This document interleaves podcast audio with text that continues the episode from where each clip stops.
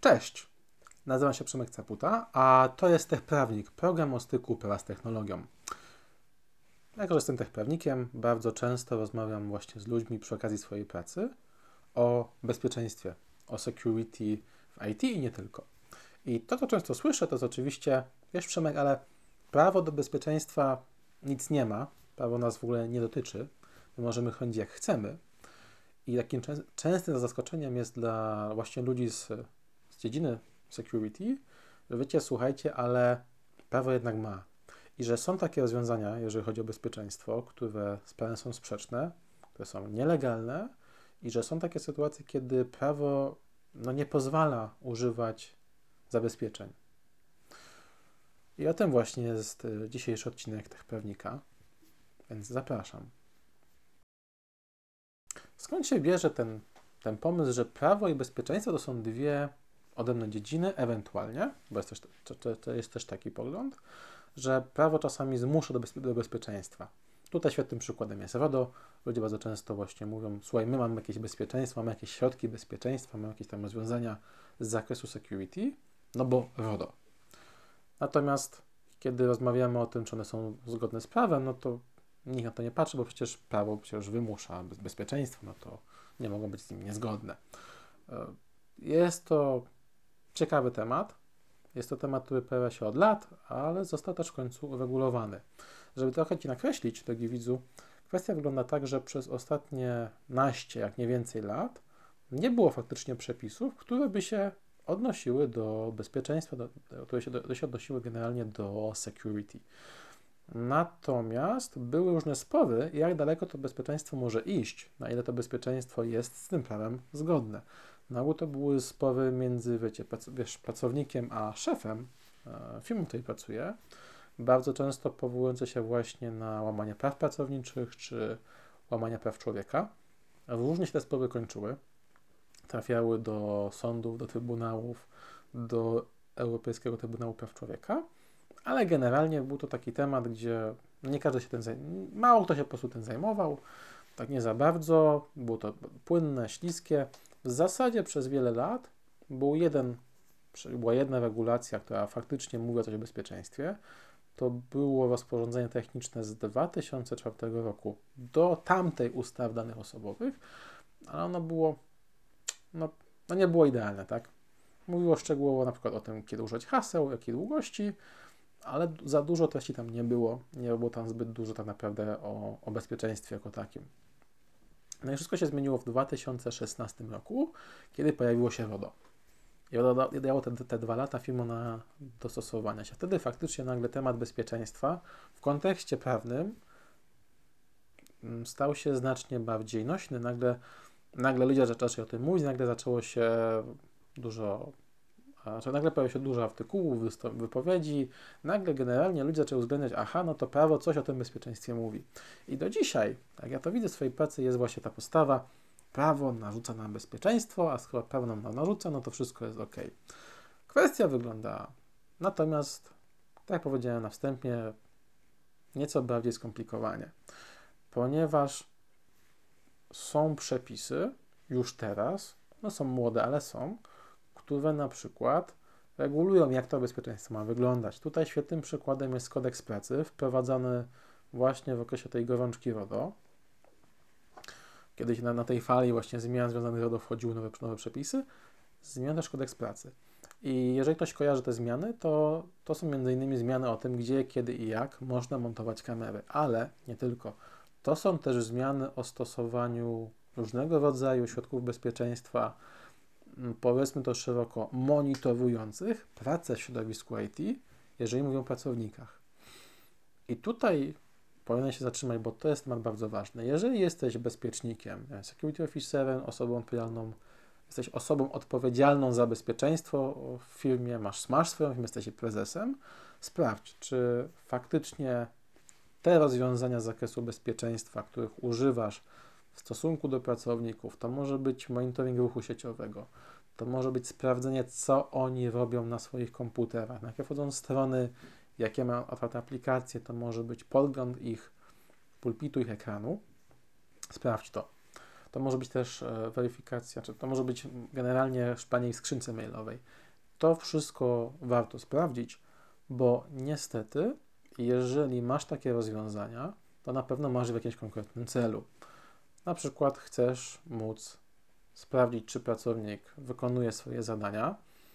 To jest jeden z powodów i ostatnio dużo filmów idzie w tego typu narzędzia. No bez praca zdalna, bardzo masowa, której wcześniej nie było, ale jest to też no, jedno z rozwiązań właśnie sprawdzające, czy przypadkiem pracownicy nie nadużywają informacji o filmie, czy ich nie wynoszą, nie kopiują, bo przecież nie ma nic lepszego niż e, utrwalanie w czasie rzeczywistym tego, co pracownik robił minuta, to, minuta po minucie. Oczywiście pod płaszczykiem jeszcze często różnych innych, innych kwestii. No i tutaj pojawia się pierwszy problem, bo jeżeli firma kiedykolwiek chciałaby z takich, z takich e, dowodów o, skorzystać przeciwko pracownikowi, na przykład, żeby go zwolnić, może się okazać, że nie będzie w stanie, jeżeli nie przestrzegała przepisów właśnie kodeksu pracy. O tym właśnie bezpieczeństwie, o tym monitoringu. Tam jest kwestia po pierwsze zgodności samych narzędzi z kodeksem, i to trzeba sprawdzić w pierwszej kolejności, ale jest też druga rzecz, że trzeba zadbać o to, żeby pracownicy o tym wiedzieli. Trzeba ich o tym poinformować na przynajmniej dwa tygodnie przed uruchomieniem tych narzędzi.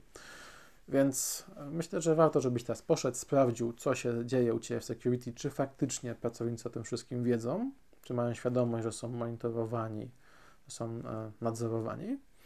Natomiast zanim to zrobisz, to powiem Ci jeszcze o jednej kwestii, takiej du dużo, dużo szerszej, że tak naprawdę RODO to nie tylko są przepisy, które wymusiły pewne środki bezpieczeństwa, bo jest to, jest to, jest to święta prawda, że RODO wymusiło zabezpieczanie od wielu firm, od wielu organizacji, ale jest tu też taki mały problem, że RODO zabrania w pewnych miejscach bezpieczeństwa, albo też zabrania pewnych konkretnych rozwiązań z zakresu security.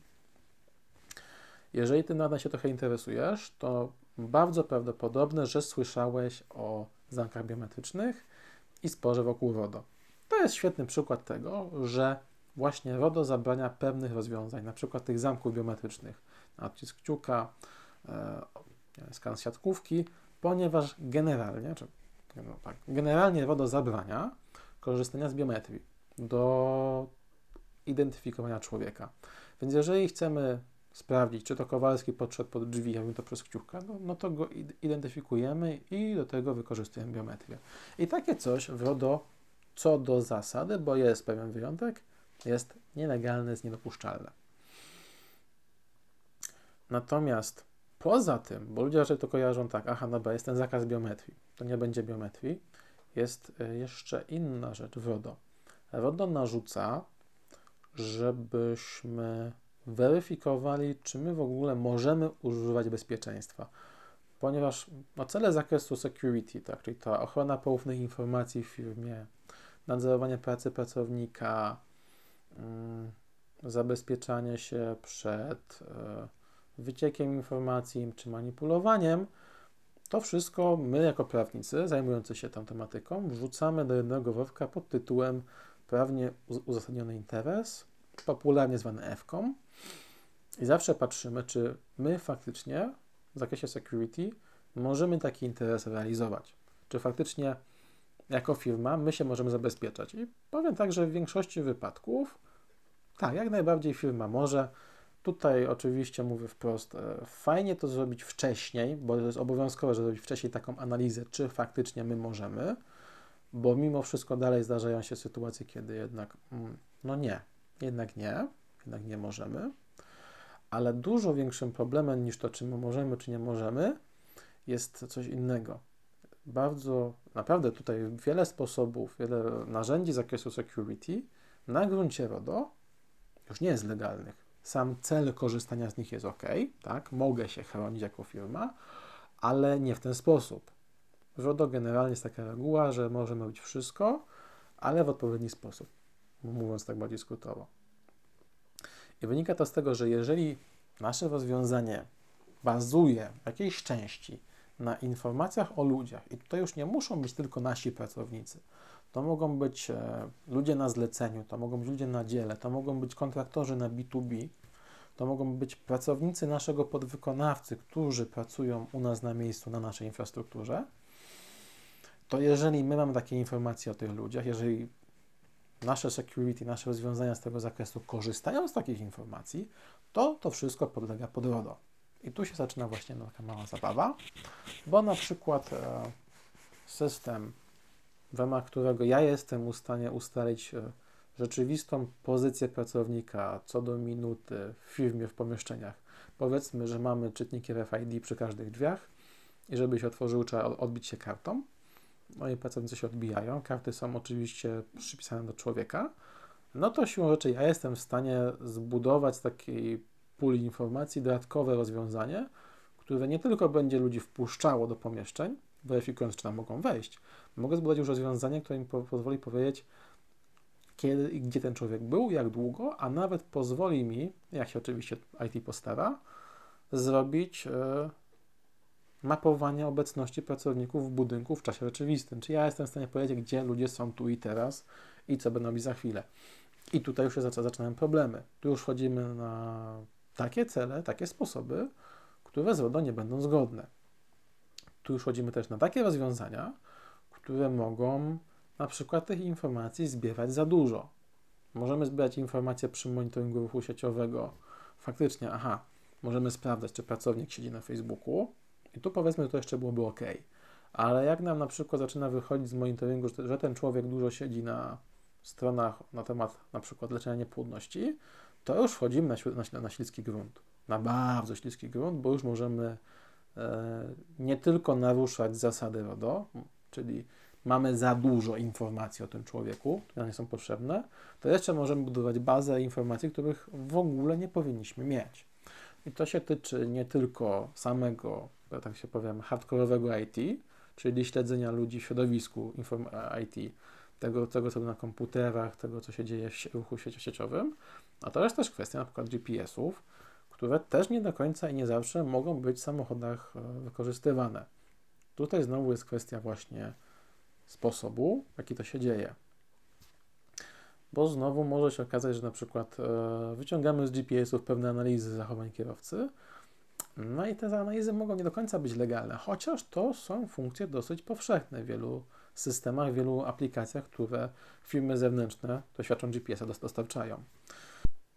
No i znowu tym największym problemem przyrodą, który powoduje, że nawet jeżeli ok, metody są ok, zakres informacji o tej osobie w tych środkach jest ok, cel jest ok, to jeszcze jest kwestia jawności, ponieważ jeżeli ten człowiek nie wie, że taki proces się toczy, to my też naruszamy RODO. I to on musi wiedzieć nie tylko, że wiesz, uruchomiliśmy, nie wiem, CB 3000 w naszej firmie, on musi wiedzieć, że CB 3000 to jest program, który na przykład czyta jego pocztę mailową w czasie rzeczywistym i raportuje do compliance officera, że pojawiły się jakieś słowa kluczowe w jego poczcie mailowej. Bo to już może e, bardzo mocno naruszać RODO. Ten człowiek musi mieć informację, która jest e, jasna, zrozumiała i przejrzysta dla niego i musi wiedzieć, co, gdzie i jak go będzie monitorować, jakie środki w oparciu o informacje na jego temat będą wykorzystywane. I z mojej praktyki to jest największy problem, bo ale jak to my mamy powiedzieć, jak coś działa? No, stety lub niestety, tak, musimy.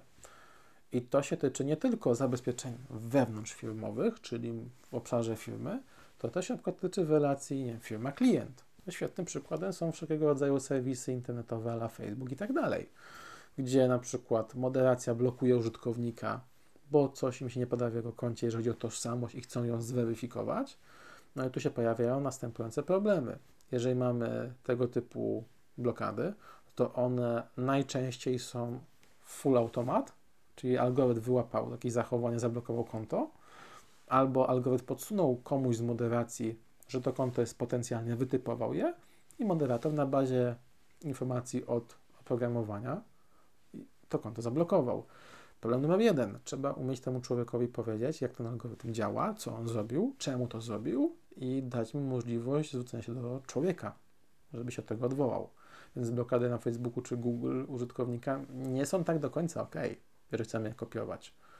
E, po drugie, to wcale nie znaczy, bo znowu wracamy do kwestii puli danych, że my możemy sobie nagle tego człowieka brać, skando, zdjęcie z dowodem, że to jest on, to też będzie za dużo informacji.